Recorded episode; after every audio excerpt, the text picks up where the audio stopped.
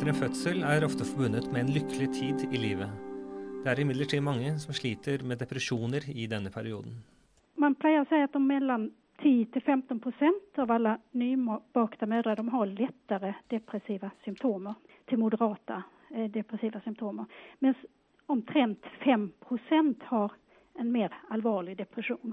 Det sier Malin Eberhard Gran. Hun er professor i klinisk epidemiologi og helsetjenesteforskning. Hun har skrevet en artikkel sammen med Kari Slinning og Marit Rognerud, som blir publisert i tredje utgave av Tidsskrift for Den norske legeforening. De skriver at det ikke alltid er enkelt å vite om en kvinne er nedstemt eller om hun lider av en depresjon etter fødsel. Det er veldig viktig å skille mellom barseltårer og barseldepresjon. For vi vet jo at de aller fleste kvinner de, de rammes av, i mer eller mindre grad av det som man kaller for barseltårer, eller maternity blues, som det heter på engelsk. Altså Kvinnan tar etter tårene og er ekstra følsom et par dager etter fødselen. Men det her er så vanlig at man mener at det er en normaltilstand, eh, og det skal gå over i løpet av en uke. Men hvis de her barseltårene er veldig veldig kraftige og ikke går over i løpet av en uke, så bør man som helsepersonell være på sin vakt. I tiden etter en fødsel har kvinner viktige omsorgsoppgaver. Nettopp derfor bør depresjoner i denne livsperioden tas alvorlig. Så det påvirker ikke bare kvinner selv, men også parforholdet og eventuelle barn, og ikke minst spedbarnet. Så man kan på en måte si at det er en depresjon, men en depresjon som oppstår på et svært uheldig tidspunkt. Dvs. Si når kravene til å ha en god funksjon de er større enn mange andre ganger i livet. Så man kan si at det er dårlig timing. Barseldepresjon er mer vanlig blant kvinner i sosialt belastede familier. Det viser tall fra internasjonale studier. Og så vet vi også at det er veldig mye vanligare i områden med många eh, socialt belastade familjer. Och för exempelvis en studie från Cape Town i Sør-Afrika så hade så mycket som en tredjedel av alla mödrarna de hade en allvarlig depressionstillstånd. Det kan vara en utfordring att identifiera de kvinnor som lider av varseldepression. I flera internationella studier är det imidlertid vist positiv effekt av Edinburgh-metoden för screening av varseldepression. Alltså Edinburghskalan det är ett uh, som hjälper oss att uppdaga depression hos barselkvinnor. Och det är egentligen inte mycket annorledes än en vanlig depressionsskala som man använder i, i andra sammanhang i, i praxis. Men forskellen från andra depressionsskalor är att den kartlägger inte kroppsliga symptom, såsom trötthet, lite energi eller förändringar i sömn, aptit och sexuell lust. Och det är ju symptom som är väldigt vanliga hos barselkvinnor och som lika gärna kan vara konsekvenser av födseln eller omsorgen för spädbarnet. Men, men sådana här skalor, generellt sett så är de ju viktiga för att man ska bevisstgöra hälsopersonell på vilka symptom är det man ska se efter. Eh, och, och den här Edinburghskalan har ju blivit väldigt mycket brukt både i forskning men också i klinik och i, i Norge är det särskilt helsesøstre som eh, då har brukt den som utgångspunkt för en samtal med, med barselkvinnen. De britiske og de svenske helsemyndighetene har anbefalinger for oppfølging av barseldepresjon. Anbefalingene varierer med alvorlighetsgrad, tidligere episoder med depresjon og eventuelt komorbiditet. Å implementere andre lands modeller inn i det norske helsesystemet er allikevel lettere sagt enn gjort.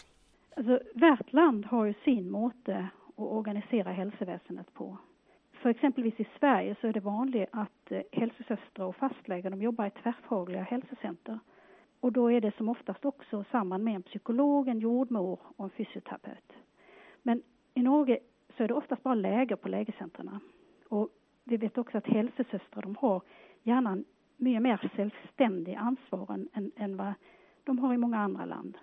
Och sen har det kommit en hel del rapporter som tyder på att det är en del mangler i kommunikationen mellan hälsostationen och fastlägarna många ställen i Norge. Och att eh, många hälsostationer eh, kanske inte har goda nog rutiner för att samarbeta med fastlägena. Och i den här situationen så är det otroligt viktigt för att fastlägen har ofta kunskap om kvinnans tidigare psykohistoria.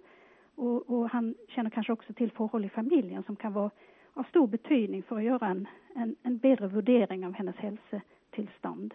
Så, och det är ju ofta då hälsostationslägen har ju som oftast ikke det. Og i de brittiske retningslinjene så blir det poengtert at det er svært viktig at kvinnens fastlege blir informert hvis det er mistanke om en alvorlig depresjon. Depresjonsscreening av kvinner ved svangerskap og barsel ble nylig vurdert av Nasjonalt råd for kvalitet og prioritering i helse- og omsorgstjenesten. Rådet konkluderte med at de på nåværende tidspunkt ikke anbefaler at screening for barseldepresjon innføres som et nasjonalt tilbud.